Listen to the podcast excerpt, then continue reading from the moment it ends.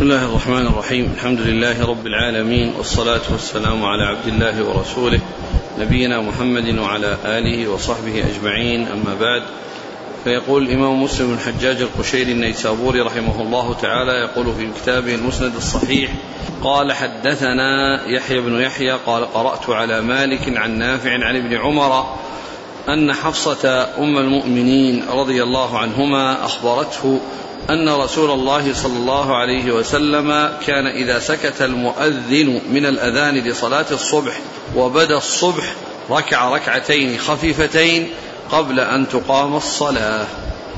بسم الله الرحمن الرحيم. الحمد لله رب العالمين. وصلى الله وسلم وبارك على عبده ورسوله نبينا محمد وعلى آله وأصحابه أجمعين. ما بعد فهذه أحاديث عند الإمام مسلم رحمه الله تتعلق بركعتي الفجر التي هي السنة الراتبة التي تسبق صلاة الفجر وهي آكد هي والوتر آكد النوافل والنبي صلى الله عليه وسلم ما كان يتركهما لا في حضر ولا سفر. والإتيان بهاتين الركعتين عندما يطلع الفجر ويحصل أذان الفجر الأذان الثاني الذي تحل به الصلاة ويحرم فيه الأكل لمن يريد أن يصوم فإنها يؤتى بها يعني بعد طلوع الفجر وبعد الأذان و فهذا هديه صلى الله عليه وسلم. وقد ذكر حديث حفصة رضي الله تعالى عنها وكذلك أحاديث أخرى سيذكرها المصنف. وحديث حفصة أيضا جاء من طرق متعددة وفيه أن الرسول صلى الله عليه وسلم كان يصلي هاتين الركعتين بعدما يطلع الفجر ويحصل الأذان وأنه يبادر يعني بذلك وكان يصليهما في بيته ثم يخرج إلى الناس وتقام الصلاة فيصلي بهم الصلاة المفروضة صلوات الله وسلامه وبركاته عليه. قال حدثنا يحيى بن يحيى قال قرأت على مالك عن نافع عن ابن عمر عن حفصة أم المؤمنين. نعم. قال وحدثنا يحيى بن يحيى وقتيبة وابن رمح عن الليث بن سعد. حا قال وحدثني زهير بن حرب وعبيد الله بن سعيد. قال حدثنا يحيى عن عبيد الله. حا قال وحدثني زهير بن حرب قال حدثنا إسماعيل عن أيوب كلهم عن نافع بهذا الإسناد كما قال مالك. نعم.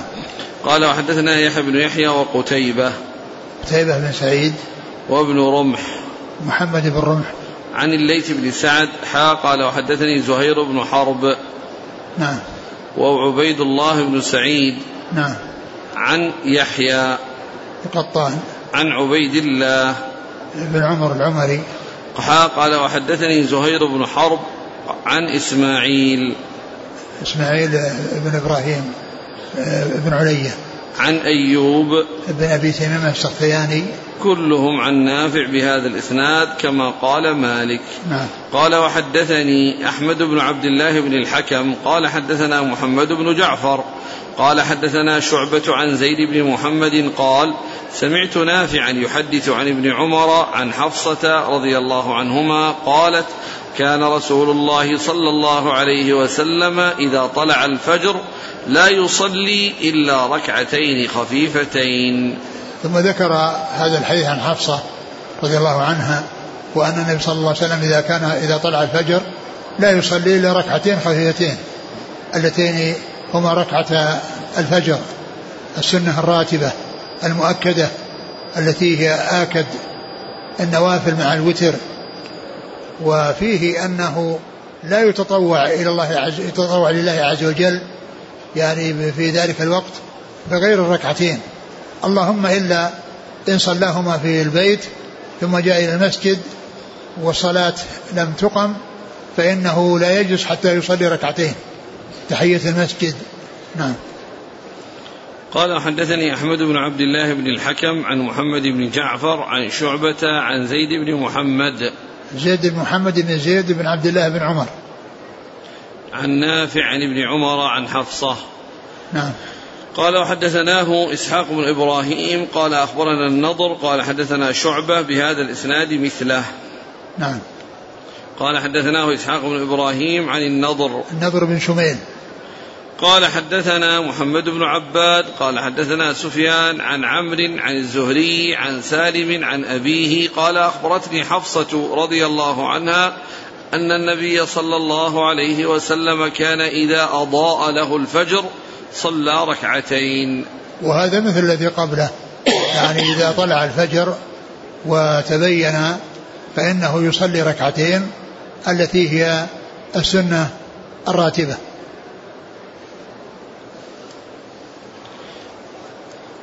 قال حدثنا محمد بن عباد عن سفيان بن عيينة عن عمرو بن دينار. عن الزهري عن سالم عن أبيه عن حفصة. نعم. يعني هذا في رواية الزهري عن سالم تابعي عن تابعي ورواية آه صحابي عن صحابي. يعني يروي عن حفصة ولا في فيه ابن عمر؟ إيه عن أبيه نعم. قال أخبرتني نعم حفصة. نعم صح تابعي عن تابعي وصحابي عن عن صحابية. نعم.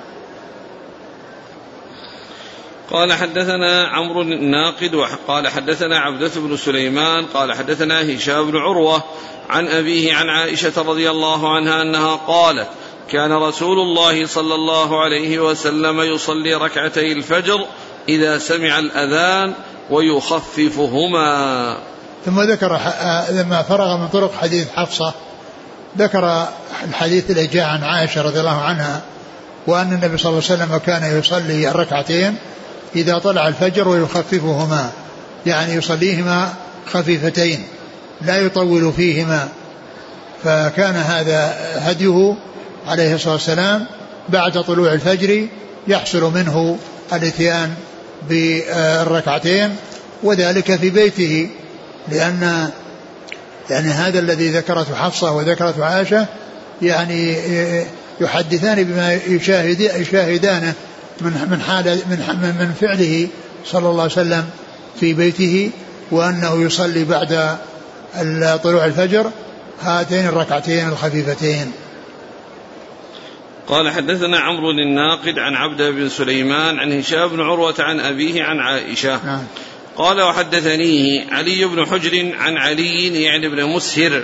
حاء قال وحدثناه أبو كريب. قال حدثنا أبو أسامة. حاء قال وحدثناه أبو بكر وأبو كريب وابن نمير عن عبد الله بن نمير. حاء قال وحدثناه عمرو الناقد. قال حدثنا وكيع. كلهم عن هشام بهذا الإسناد. وفي حديث أبي أسامة إذا طلع الفجر.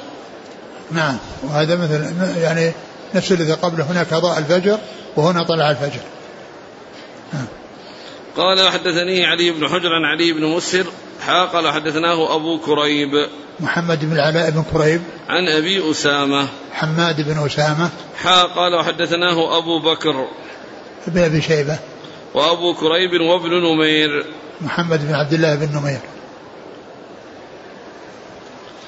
عن عبد الله بن نمير حا قال حدثناه عمرو الناقد عن وكيع عن هشام نعم قال وحدثناه محمد بن المثنى قال حدثنا ابن أبي عدي عن هشام عن يحيى عن أبي سلمة عن عائشة رضي الله عنها أن النبي صلى الله عليه وسلم كان يصلي ركعتين بين بين النداء والإقامة من صلاة الصبح.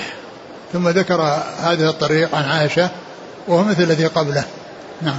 قال وحدثناه محمد بن المثنى عن ابن أبي عدي. وهو محمد بن إبراهيم. عن هشام. هشام بن عروة. لا. لأنه يروي عن يحيى. هذا هشام بن حسان يروي عن يحيى. هشام؟ هشام عن يحيى عن أبي سلمة. هذا الذي يروي عن عن عن أبي سلمة هو يحيى بن أبي كثير. إذا هشام الدستوائي. الدستوائي تلميذه. نعم. يحيى بن أبي كثير. عن أبي سلمة عن عائشة.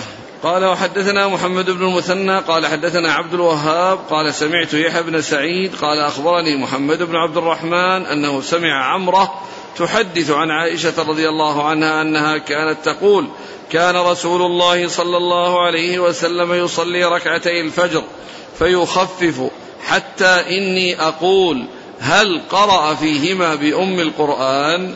ثم ذكر هذا الحديث عن عائشة وفيه أنه صلى الله عليه وسلم كان يصلي ركعتين ويخففهما يعني حتى تقول هل قرأ فيهما بأم القرآن؟ المقصود من ذلك المبالغة في التخفيف وليس المقصود ذلك الشك في أنه يقرأ الفاتحة فإن قراءة الفاتحة أمر معلوم وإنما هذا فيه الإشارة إلى المبالغة في تخفيف هاتين الركعتين. وليس المقصود به يعني الشك في أنه يأتي بالفاتحة أو لا يأتي بها فإن هذا من المعلوم في الأحاديث الكثيرة في أن أن قراءة الفاتحة لازمة وأنها واجبة في كل ركعة من ركعات الصلاة. وقد قال عليه الصلاة والسلام لا صلاة لمن لم يقرأ. يعني بفاتحة الكتاب. نعم. قال حدثنا محمد بن المثنى عن عبد الوهاب بن عبد المجيد الثقفي. عن يحيى بن سعيد.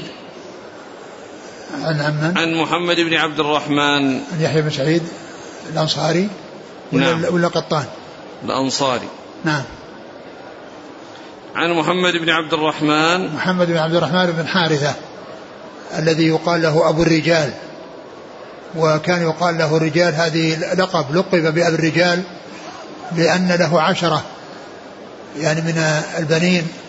فكان يقال له أبو الرجال وهو يروي عن أمه عمرة بنت عبد الرحمن لأن هذا أبو الرجال هو أمه عمرة بنت عبد الرحمن والرجال هم يعني أحفادها يعني أبناء ابنها وهو يقال له أبو الرجال الذي هو محمد بن عبد الرحمن بن حارثة الأنصاري. نعم. قال حدثنا عبيد الله بن معاذ قال حدثنا أبي قال حدثنا شعبة عن محمد بن عبد الرحمن الأنصاري أنه سمع عمرة بنت عبد الرحمن عن عائشة رضي الله عنها أنها قالت كان رسول الله صلى الله عليه وآله وسلم إذا طلع الفجر صلى ركعتين أقول هل يقرأ فيهما بفاتحة الكتاب؟ وهذا مثل الذي قبله. قال حدثنا عبيد الله بن معاذ عن أبيه معاذ بن معاذ العنبري. عن شعبة عن محمد بن عبد الرحمن عن عمرة بنت عبد الرحمن عن عائشة. نعم.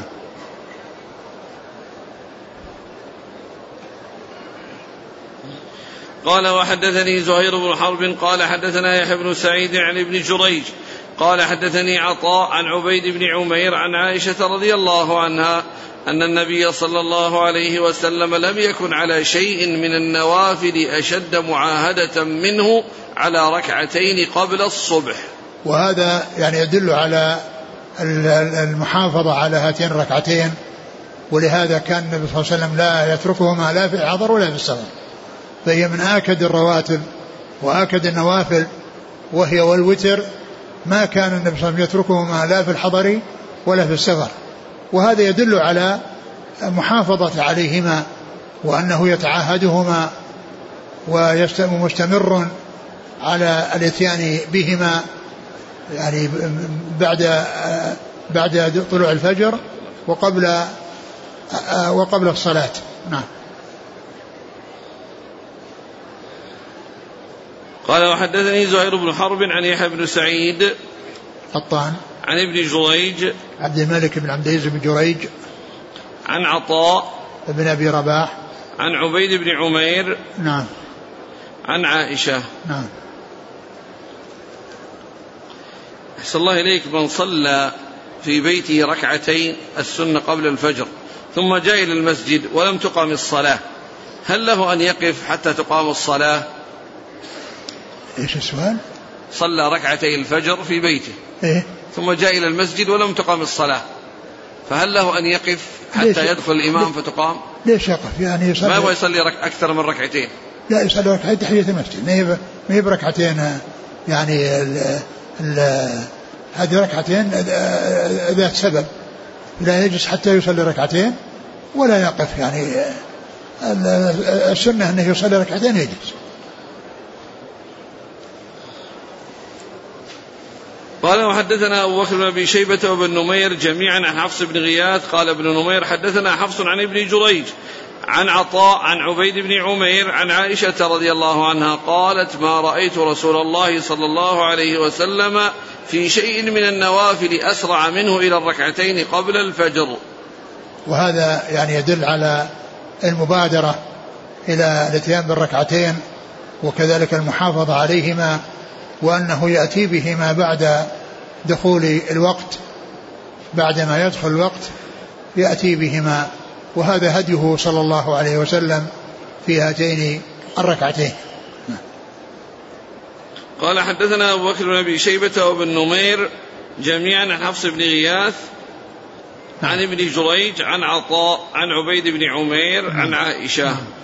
قال حدثنا محمد بن عبيد الغبري قال حدثنا أبو عوانة عن قتادة عن زرار بن أوفى عن سعد بن هشام عن عائشة رضي الله عنها عن النبي صلى الله عليه وآله وسلم أنه قال ركعة الفجر خير من الدنيا وما فيها.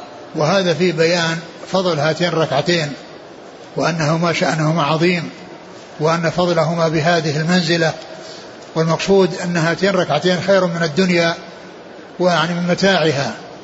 خير من الدنيا وما فيها من المتاع. وهذا يدل على عظم شأن هاتين الركعتين وأنها بهذه المنزلة وبهذه الفضيلة التي هي كونها خير من متاع الدنيا. نعم. قال حدثنا محمد بن عبيد الغبري عن أبي عوانة الوضاح بن عبد الله اليشكري عن قتادة بن دعامة السدوسي. عن زرارة بن أوفى نعم. عن سعد بن هشام عن عائشة. نعم. وزرارة بن أوفى هذا هو الذي ذكر في ترجمته أنه كان يصلي بالناس وأنه قرأ بالمدثر وعندما جاء إذا نقر في الناقور يعني حصل له يعني رهبة وشدة وسقط ومات وهو يصلي بالناس. فذكر في ترجمته أنه حصل له ذلك. وذكر أيضا في ترجمة حميد بن أبي الطويل أنه مات وهو قائم في الصلاة.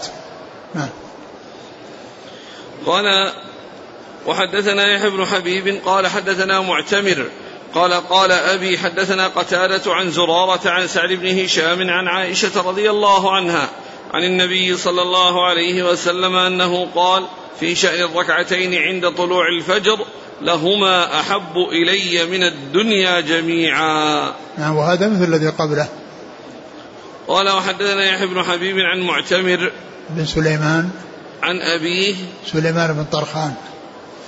عن قتادة عن زرارة عن سعد عنه عائشة. نعم. يقول أي شيء آكد الوتر أم ركعة الفجر؟ والله كلهما متأكد متأكدتان. كل منهما متأكدتان. وكلهما الرسول كان يداوم عليهما. نعم.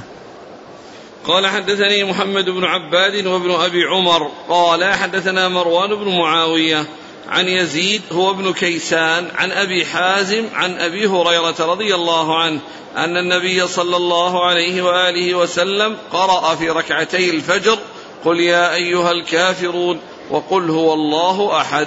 ثم ذكر بعد ذلك ما يقرأ في هاتين الركعتين وأنهما يخففان ولهذا جاء في هذا الحديث أنه كان يقرأ في الركعة الأولى قل يا أيها الكافرون وفي الركعة الثانية قل هو الله أحد وهذا يعني فيه تخفيف لهاتين الركعتين. نعم. قال حدثنا محمد بن عباد وابن أبي عمر. محمد بن يحيى بن, بن أبي عمر العدني المكي. عن مروان بن معاوية. مروان, مروان بن معاوية الفزاري وهذا قيل في ترجمته أنه معروف بتدليس الشيوخ لأن التدليس تدليس إسناد وتدليس شيوخ. وتدليس الإسناد هو أن يروي عمن عمن يعني من لقيه ما لم يسمع منه بلفظ موهم السماع كعن أو قال وأما إذا قال حدثني أو أخبرني أو سمعت فإن هذا لا يقال أن فيه تدليس لأن هذا تصريح بالسماع. وأما تدليس الشيوخ فهو أن يذكر شيخه بغير ما اشتهر به. يذكر شيخه بغير ما اشتهر به. فهذا يسمى تدليس الشيوخ. يعني بأن يذكره يعني لا يذكر يذكر اسمه ويذكر آه، اسم أبيه لا يذكر اسم أبيه الذي اشتهر به وإنما يقال ابن أبي فلان. ابن أبي فلان فيذكر بغير ما اشتهر به. هذا يسمى تدليس الشيوخ. نعم. عن يزيد هو ابن كيسان عن أبي حازم. عن أبي هريرة؟ عن أبي نعم. نعم وأبو حازم الذي يروي عن أبي هريرة هو سلمان الأشجعي لأن أبا حازم تابعيان مشهوران بهذه الكنية فإذا جاء أبو حازم يروي عن أبي هريرة فهو سلمان الأشجعي وإذا جاء أبو حازم يروي عن سهل بن سعد الساعدي فالمراد به سلمة بن دينار نعم. قال وحدثنا قتيبة بن سعيد قال حدثنا الفزاري يعني مروان بن معاوية عن عثمان بن حكيم الأنصاري قال أخبرني سعيد بن يسار أن ابن عباس رضي الله عنهما أخبره أن رسول الله صلى الله عليه وسلم كان يقرأ في ركعتي الفجر في الأولى منهما قولوا آمنا بالله وما أنزل إلينا الآية التي في البقرة. وفي الآخرة من وفي الآخرة, وفي الآخرة منهما آمنا بالله واشهد بأننا مسلمون. ثم ذكر هذا الحديث عن عباس وأن الرسول صلى الله عليه وسلم كان يخفف القراءة في يعني ركعتي الفجر وأنه يقرأ فيهما في الآية في الركعة الأولى قولوا آمنا بالله وما أنزل إلينا الآية في سورة البقرة وأنه يقرأ في الثانية آية فلما حس عيسى من المكر قال من أنصار إلى الله؟ قال حول إحنا أنصار الله آمنا بالله واشهد بأننا مسلمون. الآية اللي في سورة آل عمران. آل عمران نعم. وش الآية؟ فلما حس عيسى من الكفر قال من أنصار إلى الله قال الحواري إحنا أنصار الله آمنا بالله واشهد بأننا مسلمون. لكن سيأتي أنها غير هذه. ها؟ الرواية الثانية. هذه رواية ثانية أخرى. ها؟ هذه حديث آخر. فيه قل يا أهل الكتاب تعالوا إلى كلمة سواء. نعم. الآية تنتهي نفس الآية. ها؟ قل يا أهل الكتاب تعالوا إلى كلمة سواء بيننا وبينكم ألا نعبد إلا الله. في آل عمران نعم. ولا نشرك به شيئا. ولا يتخذ بعضنا بعضا من دون فإن تولوا فقول اشهدوا. بأننا مسلمون. وهذه الآية آمنا بالله. واشهد بأننا آمنا بالله.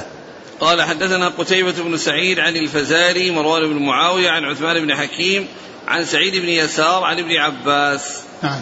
قال وحدثنا أبو بكر بن أبي شيبة قال حدثنا أبو خالد الأحمر عن عثمان بن حكيم عن سعيد بن يسار عن ابن عباس قال كان رسول الله صلى الله عليه وسلم يقرأ في ركعتي الفجر قولوا آمنا بالله وما أنزل إلينا والتي في آل عمران تعالوا إلى كلمة سواء بيننا وبينكم.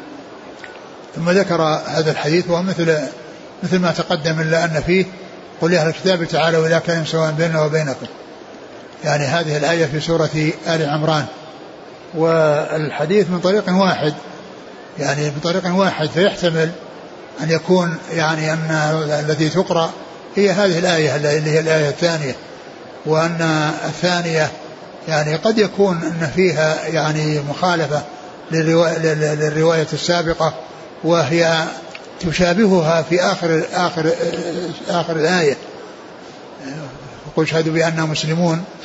ويعني وأما هذه الآية فأولها فلما حس عيسى منهم الكفر وفي آخرها آمنا بالله آمنا بالله. نعم. نعم واشهد بان باننا مسلمون. نعم. قال حدثنا أبو بكر بن ابي شيبة عن أبي خالد الأحمر. سليمان بن حيان. عن عثمان بن حكيم عن سعيد بن يسار عن أبي عن, عن ابن عباس. نعم. يعني ف يعني فكون الحديث جاء من طريق من طريق واحد وفيه يعني هذه الآية هذه الآية الأولى أن يؤتى بهذه الآية التي هي يا أهل الكتاب تعالوا إلى كلمة سواء بيننا وبينكم. أما الآية الثانية ففي أولها فلما حس عيسى منهم الكفر قال من أنصاري إلى الله. يعني فهي غير واضحة. يعني في الدلالة. يعني وإنما في آخرها ذكر يعني شيء يشبه ما جاء في آخر آه الآية الثانية التي هي قل يا أهل الكتاب تعالوا إلى كلمة سواء بيننا وبينكم نعم.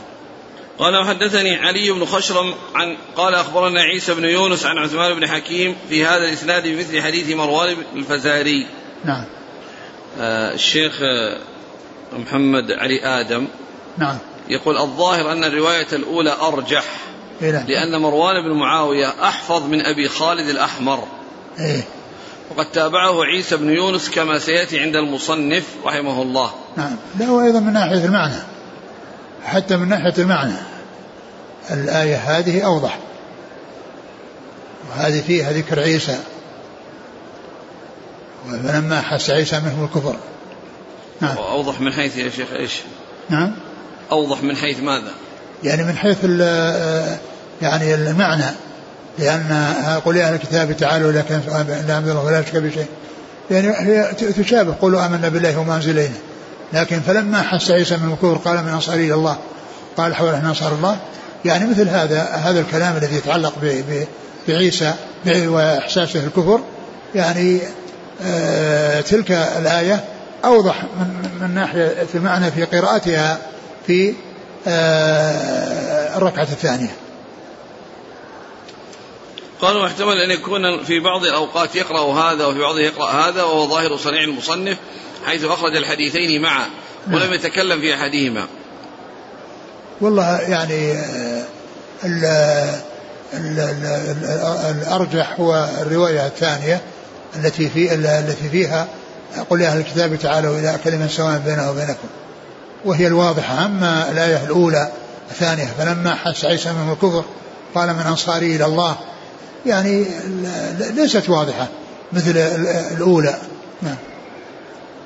يقول أخرج الطحاوي في شرح معاني الآثار. قال حدثنا ابن أبي داود قال حدثنا سعيد بن منصور قال حدثنا عبد العزيز بن محمد قال حدثنا عثمان بن عمر بن موسى قال سمعت أبا الغيث يقول سمعت أبا هريرة رضي الله عنه يقول سمعت رسول الله صلى الله عليه وسلم يقرأ في السجدتين قبل الفجر في السجدة الأولى قولوا آمنا بالله وما أنزل إلينا وما أنزل إلى إبراهيم الآية. وفي السجدة الثانية ربنا آمنا بما أنزلت واتبعنا الرسول فاكتبنا مع الشاهدين. ربنا؟ آمنا بما أنزلت واتبعنا الرسول فاكتبنا مع الشاهدين. هذه آه، أوضح من التي مع أنها هي هي الآية التي تليها. ربنا واتبعنا الرسول فاكتبنا مع الشاهدين. ومكروا ومكر الله والله خير الماكرين. فإذا ربنا آمنا بما أنزلت واتبعنا الرسول. اكتبنا مع الشاهدين. أوضح لما حس يسمه الكفر. قال من أنصاري إلى الله. لأن هذا دعاء يعني واضح يعني يعني يمكن يدعو به كل أحد. لكن الآية التي فيها فلما حس عيسى من الكفر يعني يبدو أن الرواية تلك التي تقابلها أرجح منها. نعم.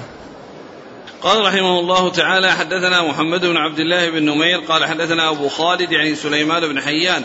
وأنا ذكرت في الأدعية التي نقلتها أو أخذتها من القرآن في آه، تفسير الناسك يعني ذكرت هذه الآية. ربنا آمنا بما أنزلت واتبعنا الرسول فاكتبنا مع الشاهدين. يعني فهذه دعاء يعني واضح.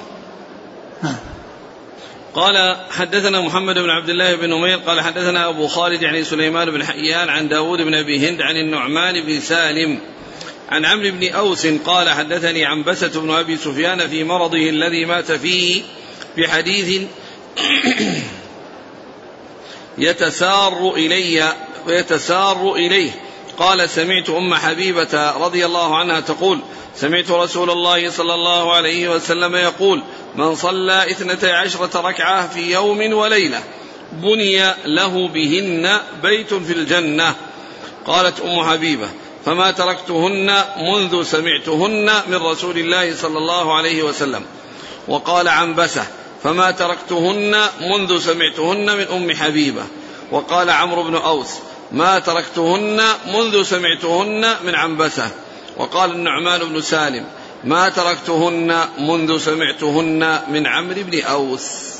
ثم ذكر أحاديث تتعلق بسنن الرواتب التي تكون قبل الصلوات المفروضة وبعدها. وذكر هذا الحديث عن أم حبيبة وفيه أن أن أن المحافظة على اثنتي عشرة ركعة.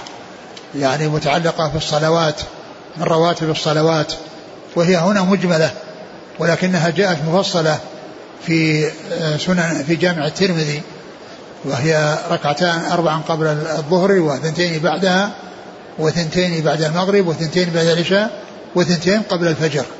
يعني جاء تفصيلها وتوضيحها عند الترمذي يعني في آخر الحديث لأن هنا ذكرت مجملة ولم تفصل وكان تفصيلها مع ذكر الحديث الذي الذي فيه إجمالها عند الترمذي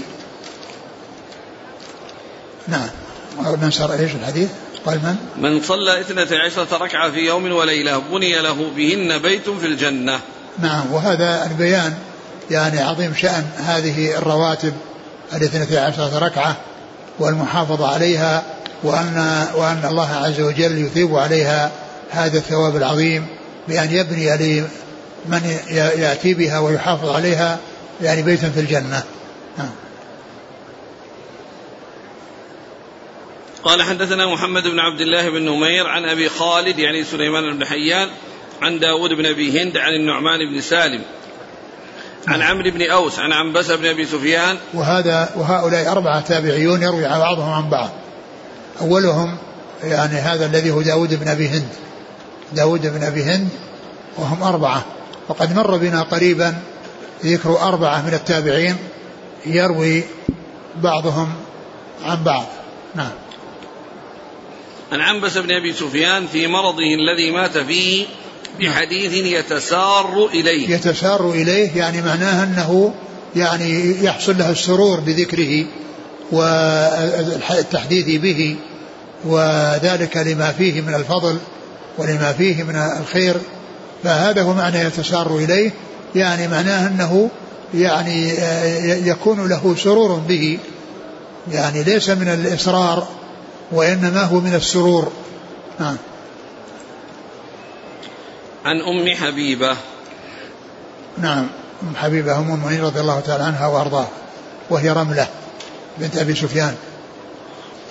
قال حدثني أبو غسان المسمعي قال حدثنا بشر بن المفضل قال حدثنا داود عن النعمان بن سالم بهذا الإسناد من صلى في يوم ثنتي عشرة سجدة تطوعا بني له بيت في الجنة. وهذا مثل الذي قبله وفي قال سجدة والسجدة الركعة تطلق عليها سجدة. يعني يقال للركعة سجدة ويقال لها ركعة. نعم. قال حدثني أبو غسان المسمعي. أبو غسان المسمعي هو, آه هو مالك بن عبد الواحد. مالك بن عبد الواحد. عن بشر المفضل عن داود. نعم بن أبي هند. قال وحدثنا محمد بن بشار. قال حدثنا محمد بن جعفر. قال حدثنا شعبة عن النعمان بن سالم عن عمرو بن أوس عن عنبسة بن أبي سفيان عن أم حبيبة رضي الله عنها زوج, زوج النبي صلى الله عليه وسلم أنها قالت سمعت رسول الله صلى الله عليه وسلم يقول ما من عبد مسلم يصلي لله كل يوم ثنتي عشرة ركعة تطوعا غير فريضة إلا بنى الله له بيتا في الجنة أو إلا بني له بيت في الجنة. قالت أم حبيبة فما برحت أصليهن بعد؟ وقال عمرو ما برحت أصليهن بعد؟ وقال النعمان مثل ذلك. نعم وهذا مثل الذي قبله.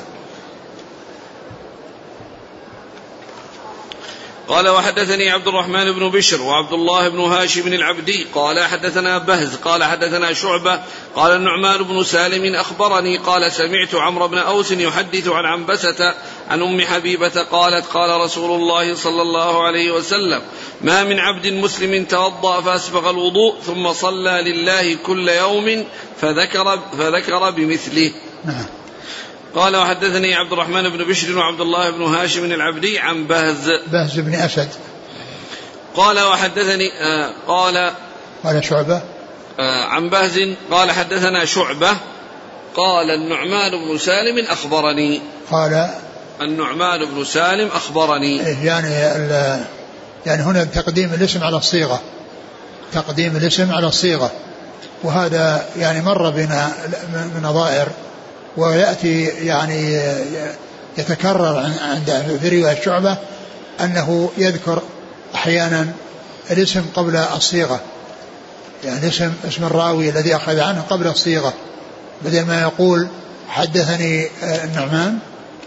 نعم قال نعم. حدث النعمان يقول النعمان حدثني. نعم.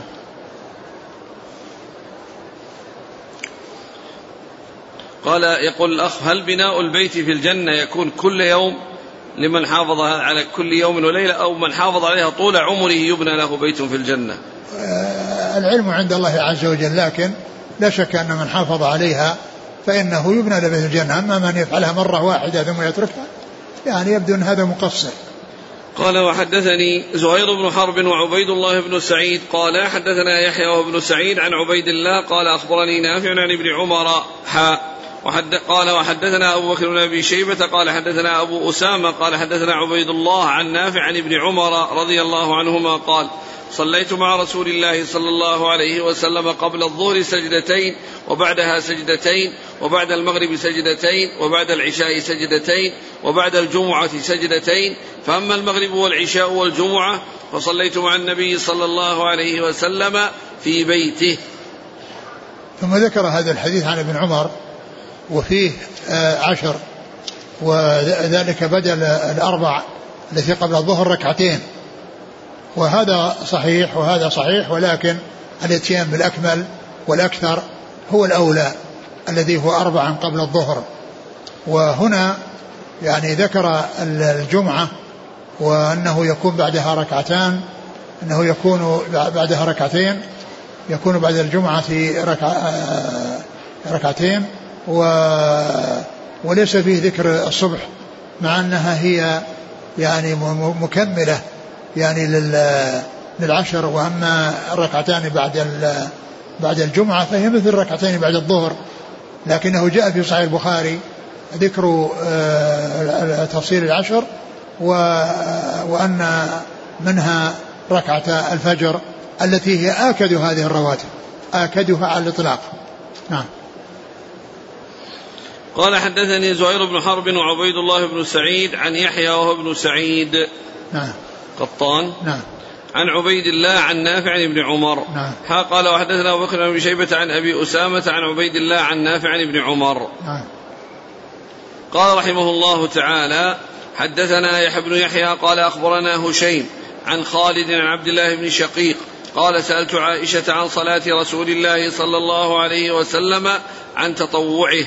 فقالت كان يصلي في بيته قبل الظهر أربعا ثم يخرج فيصلي بالناس ثم يدخل فيصلي ركعتين وكان يصلي بالناس المغرب ثم يدخل فيصلي ركعتين ويصلي بالناس العشاء ويدخل بيته فيصلي ركعتين وكان يصلي من الليل تسع ركعات فيهن الوتر وكان يصلي ليلا طويلا وكان يصلي ليلا طويلا قائما وليلا طويلا قاعدا وكان إذا قرأ وهو قائم ركع وسجد وهو قائم وإذا قرأ قاعدا ركع وسجد وهو قاعد وكان إذا طلع الفجر صلى ركعتين. ثم ذكر حديث عائشة رضي الله عنها ومثل حديث أم حبيبة مثل حديث أم حبيبة. فيه ذكر الأربع اثنتي عشرة ركعة التي هي أربع قبل الظهر واثنتين بعدها واثنتين بعد المغرب واثنتين بعد العشاء واثنتين قبل الفجر. وذكر الركعات الأولى مترتبة وأما ركعة الفجر فأخرها وجعلها في آخر الحديث بعدما ذكرت رضي الله عنها قيام قيامه قيامه بالليل وأنه يصلي تسع. نعم. نعم. وكان يصلي من الليل تسع ركعات فيهن الوتر. الرسول عليه الصلاة والسلام جاء عنه بما يتعلق بالوتر أقل شيء جاء عنه سبع يعني وأكثر شيء جاء عنه ثلاثة عشر. أقل ما جاء عنه سبع إلى أنه جاء عنه سبع وتسع وإحدى عشر وثلاث عشر. وأكثر ما ورد عنه من الروايات الكثيرة في إحدى عشر. ولكنه جاء ذكر الثلاث عشر وجاء ذكر التسع وذكر السبع وهنا في هذا الحديث الذي هو عن عائشة ذكرت التسع. قالت إيش؟ وكان؟ وكان يصلي من الليل تسع ركعات فيهن الوتر. وكان فيهن الوتر يعني الوتر واحد منها اللي هو اللي هي التاسعة. نعم. وكان يصلي ليلا طويلا قائما وليلا طويلا قاعدا وكان إذا قرأ وهو قائم ركع وسجد وهو قائم وإذا قرأ قاعدا ركع وسجد وهو قاعد. يعني كان يصلي وهو قائم ويصلي وهو قاعد. وكان أيضا يعني يعني يعني يصلي يعني هو وش العبارة الأخيرة؟ وكان إيش؟ العبارة الأخيرة؟ وكان يصلي ليلا طويلا قائما وليلا طويلا قاعدا وكان إذا قرأ وهو قائم ركع وسجد وهو قائم. نعم إذا كان قرأ وهو قائم ركع وسجد وهو قائم. وإذا كان قرأ وهو جالس ركع وسجد وهو جالس. ولكن سيأتي التفصيل بأنه يجمع بين القراءة يعني في الجلوس وفي القيام ثم يركع من قيام. يعني فيكون بعض الركعة جلوس في الأول وبعضها جلوس في قيام في الآخر ثم يركع في الأحاديث التي ستأتي. نعم. وكان إذا طلع الفجر صلى ركعتين. نعم. قال حدثنا يحيى بن يحيى عن هشيم. حديث حديث الاثنة عشر جاء عن عن أم المؤمنين أم حبيبة وجاء عن أم المؤمنين عائشة رضي الله تعالى عنهما وعن الصحابة أجمعين. وأما العشر فجاءت في حديث ابن عمر والمحافظة على الأكمل لا شك أنه أولى وأفضل. نعم. قال حدثنا يحيى بن يحيى عن هشيم بن بشير الواسطي. عن خالد. خالد بن خالد بن مهران. الحداء عن عبد الله بن شقيق عن عائشة. نعم. قال حدثنا قتيبة بن سعيد قال حدثنا حماد عن بديل وأيوب عن عبد الله بن شقيق عن عائشة رضي الله عنها قالت كان رسول الله صلى الله عليه وسلم يصلي ليلا طويلا فإذا صلى قائما ركع قائما وإذا صلى قاعدا ركع قاعدا. نعم وهذا مثل الذي قبله. قال حدثنا قتيبة بن سعيد عن حماد حماد بن زيد. عن بديل بن ميسرة. وأيوب السختياني. عن عبد الله بن شقيق عن عائشة.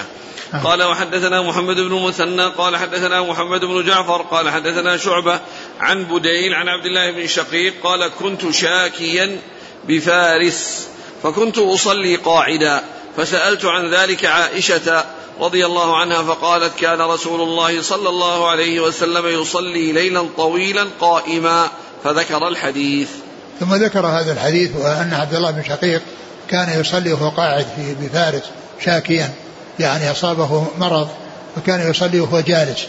ثم لما جاء إلى المدينة سأل عائشة رضي الله عنها فأخبرته بفعل الرسول صلى الله عليه وسلم.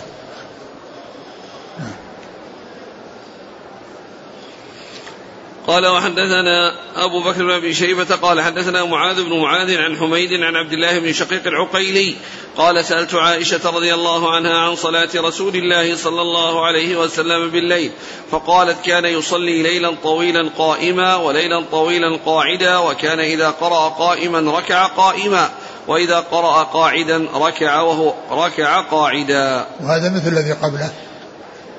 قال حدثنا أبو بكر بن أبي شيبة عن معاذ بن معاذ عن حميد. حميد بن أبي حميد الطويل.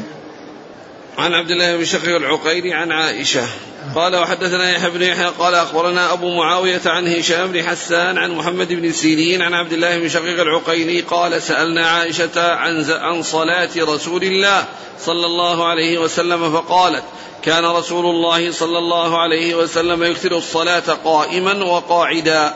كان؟ كان صلى الله عليه وسلم يكثر الصلاة نعم. قائما وقاعدا نعم. فإذا افتتح الصلاة قائما ركع قائما وإذا افتتح الصلاة قاعدا ركع قاعدا وهذا مثل الذي قبله قال وحدثني أبو الربيع الزهراني قال أخبرنا حماد يعني بن زيد حاء قال وحدثنا حسن بن الربيع قال حدثنا مهدي بن ميمون حاء قال وحدثنا أبو بكر أبي شيبة قال حدثنا وكيع حاء قال وحدثنا أبو كريب قال حدثنا ابن نمير جميعا عن هشام بن عروة حاء قال وحدثني زهير بن حرب واللفظ له قال حدثنا يحيى بن سعيد عن هشام بن عروة قال أخبرني أبي عن عائشة قالت ما رأيت رسول الله صلى الله عليه وسلم يقرأ في شيء من صلاة الليل جالسا حتى إذا كبر قرأ جالسا. حتى إذا بقي عليه من السورة ثلاثون أو أربعون آية قام فقرأهن ثم ركع. ثم ذكر هذا الحديث عن عائشة وأن النبي صلى الله عليه وسلم كان يعني لا يصلي إلا قائما ولما كبر كان يصلي يعني جالسا وكان يقرأ يعني يدخل في الصلاة وهو جالس وإذا بقي مقدار ثلاثون آية قام وقرأها ثم ركع.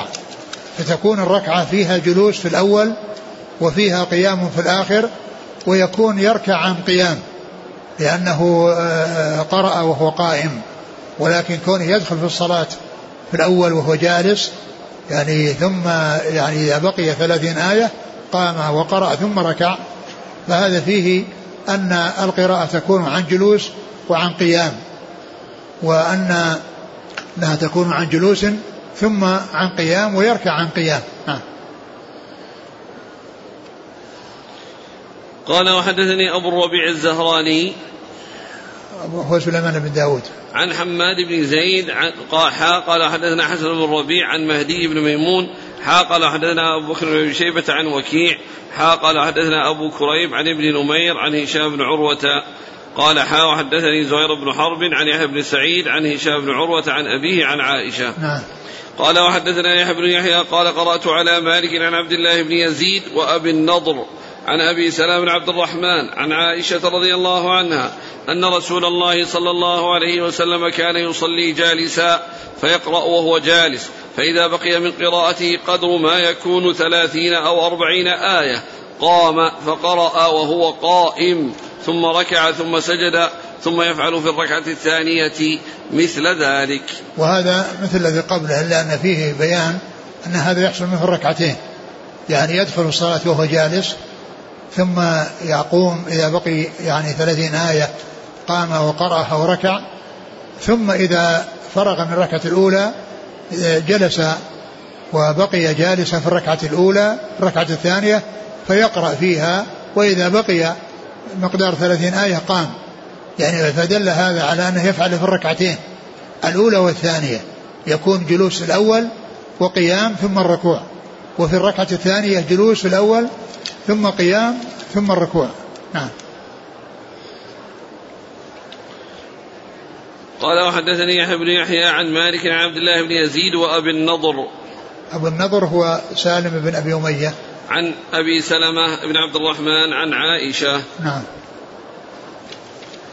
قال حدثنا أبو بكر بن أبي شيبة وإسحاق بن إبراهيم. قال أبو بكر حدثنا إسماعيل بن علية عن الوليد بن أبي هشام عن أبي بكر بن محمد عن عمرة عن عائشة رضي الله عنها قالت كان رسول الله صلى الله عليه وسلم يقرا وهو قاعد فإذا أراد أن يركع قام قدر ما يقرأ إنسان أربعين آية. وهذا مثل الذي قبله. قال وحدثنا ابن نمير قال حدثنا محمد بن بشر قال حدثنا محمد بن عمرو. قال حدثني محمد بن إبراهيم عن علقمة بن وقاص قال قلت لعائشة كيف كان يصنع رسول الله صلى الله عليه وسلم في الركعتين وهو جالس؟ قالت كان يقرأ فيهما فإذا أراد أن يركع قام فركع. ثم ذكر هذا الحديث عن عائشة وانها أنه سألها من هو؟ عمرو علقمة بن وقاص. علقمة بن وقاص الليثي سالها سأله عنها عن الركعتين. يعني الركعة المقصود الركعتين اللي بعد بعد الوتر لأنه جاء في بعض الروايات بيان ذلك وأنها الركعتين التي يصليهما بعد الوتر وهو جالس. فكان يعني آه يعني آه يقرأ وهو جالس ثم فإذا أراد أن يركع قام فركع. نعم فإذا أراد أن يركع قام فركع وهذا ليس في ذكر القراءة ليس في ذكر القراءة وهو قائم. وهذا إنما جاء في الركعتين اللتين يصليهما الرسول صلى الله عليه وسلم بعد الوتر وهو جالس يعني أن يكون جالسا في بعضها. نعم. ومعلوم أن هذا في بعض الأحيان وإلا في بعضها أنه كان يصليهما وهو جالس وليس فيه ذكر هذا التفصيل. نعم. قال وحدثنا ابن نمير قال حدثنا محمد بن بشر عن محمد بن عمرو. بن وقاص الليثي ابن علقمة بن وقاص. علقمة بن وقاص نعم. قال حدثني محمد بن إبراهيم عن علقمة بن وقاص عن عائشة. نعم. الآن هاتان الركعتان. يعني يصليهما الإنسان وهو جالس حتى لو كان قادرا على القيام. فيقول آه. اتباعا للسنة. نعم يصليهم وهو جالس. ومعلوم أن الصلاة وهي جالس جاءت جاءت عن رسول الله صلى الله عليه وسلم ولكنه جاء في حقنا أو حق الأمة بأنها على النصف. من صلاة صلاة القائم. لكن إذا فعل كما فعل الرسول صلى الله عليه وسلم فهو على خير. يقول الأخ مثلا في صلاة التراويح. نعم. هل في صلاة التراويح هل للناس الآن بعد ما ينتهون من صلاة التراويح يصلوا ركعتين وهم جلوس؟ تكون سنة ظاهرة في المسجد؟ لا. أقول ليس لهم ذلك. ليس لهم ذلك أنهم يجلسون يصلوا ركعتين وهم جالسين. لأن هذه ليس فيها ليس التراويح فيها إمامة وجماعة وأما يعني هذا الذي جاء الرسول صلى الله عليه وسلم يعني في صلاة وحده ليس في جماعة. قال وحدثنا يحيى بن يحيى قال أخبرنا يزيد بن زريع عن سعيد الجريري عن عبد الله بن شقيق قال قلت لعائشة هل كان النبي صلى الله عليه وسلم يصلي وهو قاعد؟ قالت نعم. بعدما حطمه الناس. ثم ذكر هذا الحديث عن عائشة أن أن عبد الله بن شقيق سألها هل كان النبي يصلي وهو جالس؟ قال نعم بعدما حطمه الناس. يعني في آخر عمره ولما كبر كما جاء في الحديث السابق وكما سيأتي ومعنى حطمه الناس يعني انهم أنه اشتغل أو يعني اهمه يعني يعني أهمهم والتفكير بهم والانشغال يعني بهم يعني هذا أثر على صحته صلى الله عليه وسلم فكان يفعل. هذا هو المقصود بحطمه الناس. نعم. هذا هو الذي فسروه فسر به الحطم. قال وحدثنا عبيد الله بن معاذ قال حدثنا أبي قال حدثنا كهمس عن عبد الله بن شقيق قال قلت لعائشة فذكر عن النبي صلى الله عليه وسلم بمثله. نعم. قال حدثنا عبيد الله بن معاذ عن أبيه عن كهمس. كهمس بن الحسن. قال وحدثني محمد بن حاتم وهارون بن عبد الله قال حدثنا حجاج بن محمد قال قرأت قال قال ابن جريج أخبرني عثمان بن أبي سليمان أن أبا سلمة بن عبد الرحمن أخبره أن عائشة أخبرته أن النبي صلى الله عليه وسلم لم يمت حتى كان كثير من صلاته وهو جالس. وهذا يعني هذا الحديث يدل على أنه في آخر حياته كثير من صلاته وهو جالس. ها. قال وحدثني محمد بن حاتم وحسن الحلواني كلاهما عن زيد. قال حسن حدثنا زيد بن الحباب. قال حدثني الضحاك بن عثمان. قال حدثني عبد الله بن عروة عن أبيه. عن عائشة رضي الله عنها قالت لما بدن رسول الله صلى الله عليه وسلم وثقل كان أكثر صلاته جالسا. ثم ذكر هذا الحديث عن عائشة. نعم. أنها قالت لما بدن رسول الله صلى الله عليه وسلم يعني لما كبر وفي جاء في بعض الروايات أنه لما يعني يعني حمل اللحم فكان يعني كثيرا من كثيرا من صلاته يصلي وهو جالس. صلوات الله وسلامه وبركاته عليه. قال حدثنا يحيى بن يحيى قال قرأت على مالك عن ابن شهاب عن السائب بن يزيد عن المطلب بن أبي وداعة السهمي عن حفصة رضي الله عنها أنها قالت ما رأيت رسول الله صلى الله عليه وآله وسلم صلى في سبحته قاعدا حتى كان قبل وفاته بعام فكان يصلي في سبحته قاعدا وكان يقرأ بالسورة فيرتلها حتى تكون أطول من أطول منها. ثم ذكر هذا الحديث عن حفصة رضي الله عنها أنها ما رأت النبي صلى الله عليه وسلم يصلي قاعدا إلا قبل وفاته بعام. نعم. نعم بعام واحد. ويعني لما كبر يعني حصل منه ذلك عليه الصلاة والسلام وكان يصلي وهو قاعد وكان يقرأ السورة فيرتلها حتى تكون بسبب قراءته وترتيله أطول من أطول منها مع أنها أقصر من تلك التي أطول منها. فتكون هذه السورة التي يعني هي غيرها أطول منها بترتيله وترتيله عليه الصلاة والسلام تكون أطول من أطول منها. نعم.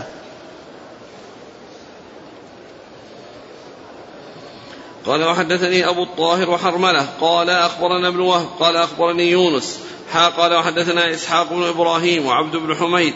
قال أخبرنا عبد الرزاق قال أخبرنا معمر جميعا عن الزهري بهذا الإسناد مثله غير أنهما قال بعام واحد أو اثنين. نعم. قال وحدثني أبو الطاهر. أبو الطاهر أحمد بن عمرو في الشرح المصري. وحرملة. ابن يحيى التجيبي المصري. عن ابن وهب. عبد الله بن وهب. عن يونس يونس. بن يزيد الايلي قال وحدثنا إسحاق بن إبراهيم وعبد بن حميد عن عبد الرزاق بن همام الصنعاني. عن معمر بن راشد الأزدي. عن الزهري بهذا الإسناد مثله. نعم. قال وحدثنا أبو بكر بن أبي شيبة قال حدثنا عبيد الله بن موسى عن حسن بن صالح عن سماك. قال أخبرني جابر بن سمرة رضي الله عنهما أن النبي صلى الله عليه وسلم لم يمت حتى صلى قاعدا. نعم وهذا مثل الذي قبله. يعني وجد منه الصلاة في آخر حياته. صلاة قاعدا في آخر حياته صلى الله عليه وسلم. قال وحدثنا أبو بكر بن شيبة عن عبيد الله بن موسى عن حسن بن صالح عن سماك. بن حرب. عن جابر بن سمرة. نعم, نعم. قال وحدثني زهير بن حرب قال حدثنا جرير عن يعني مر بنا في الاسناد الذي قبل هذا يعني عبد الله بن عروة. نعم. عبد الله بن عروة هذا أخو هشام بن عروة. لكن هشام هو المكثر من الروايه وأما هذا روايته قليلة. الذي هو عبد الله بن عروة بن الزبير. يعني روايته قليلة. وأما أخوه هشام فهو كثير الرواية. قال وحدثني زهير بن حرب قال حدثنا جرير عن منصور عن هلال بن يساف عن أبي يحيى عن عبد الله بن عمرو رضي الله عنهما أنه قال حدثت أن رسول الله صلى الله عليه وسلم قال صلاة الرجل قاعدا نصف الصلاة.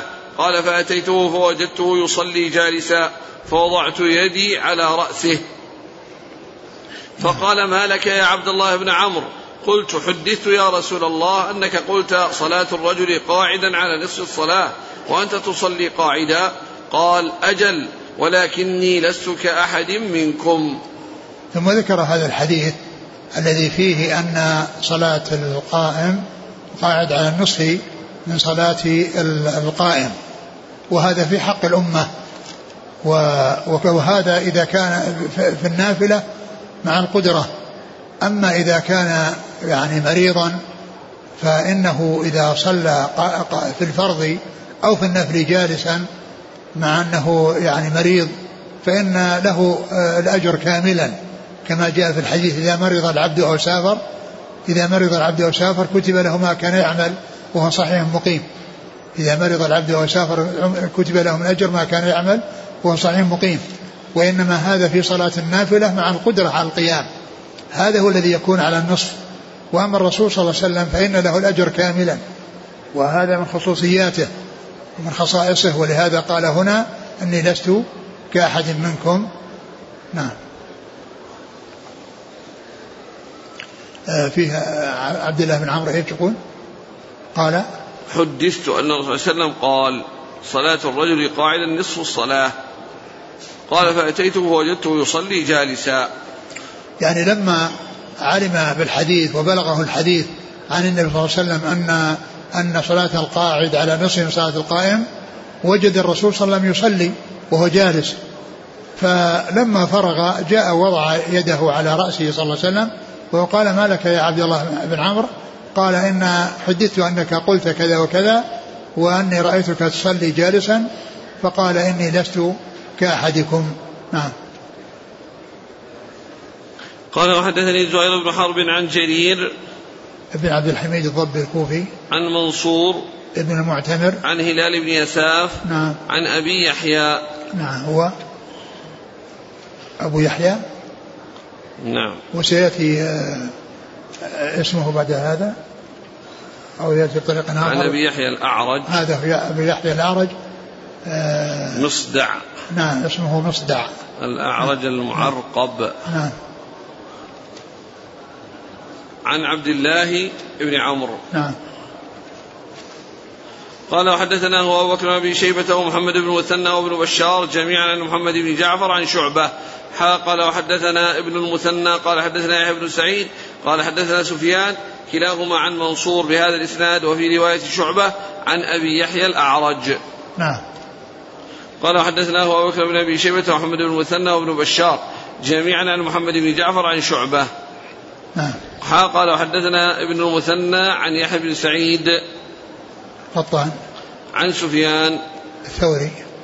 كلاهما عن منصور. ابن المعتمر. بهذا الإسناد وفي رواية شعبة عن أبي يحيى الأعرج. نعم.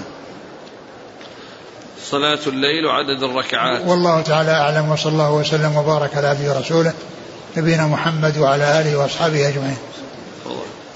على رأسه جزاكم الله خيرا وبارك الله فيكم والهمكم الله الصواب وفقكم للحق شفاكم الله وعافاكم ونفعنا الله بما سمعنا وغفر الله لنا ولكم وللمسلمين أجمعين.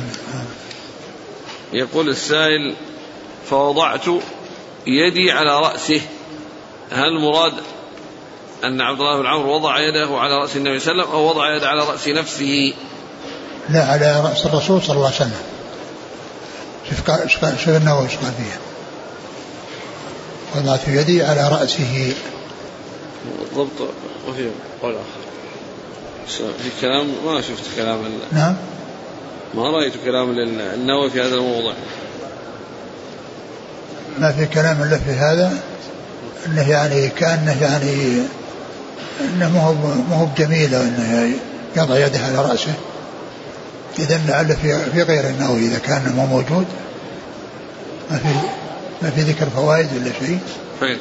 ها؟ كلام النووي؟ إيه يقول معناه أن صلاة القاعد فيها نصف ثواب القائم فيتضمن صحتها ونقصان أجرها وهذا الحديث محمول على صلاة النفل قاعدا مع القدرة على القيام فهذا له نصف ثواب القائم وأما إذا صلى النفل قاعدا لعجزه عن القيام فلا ينقص ثوابه بل يكون كثوابه قائما وأما الفرض فإن صلاه قاعدا مع قدرته على القيام لم يصح فلا يكون فيه ثواب بل يأثم به.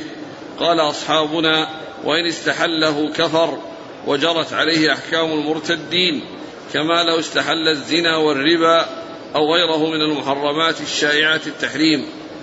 وإن صلى الفرض قاعدا لعجزه عن القيام أو مضطجعا لعجزه عن القيام والقعود فثوابه كثوابه قائما لم ينقص باتفاق أصحابنا.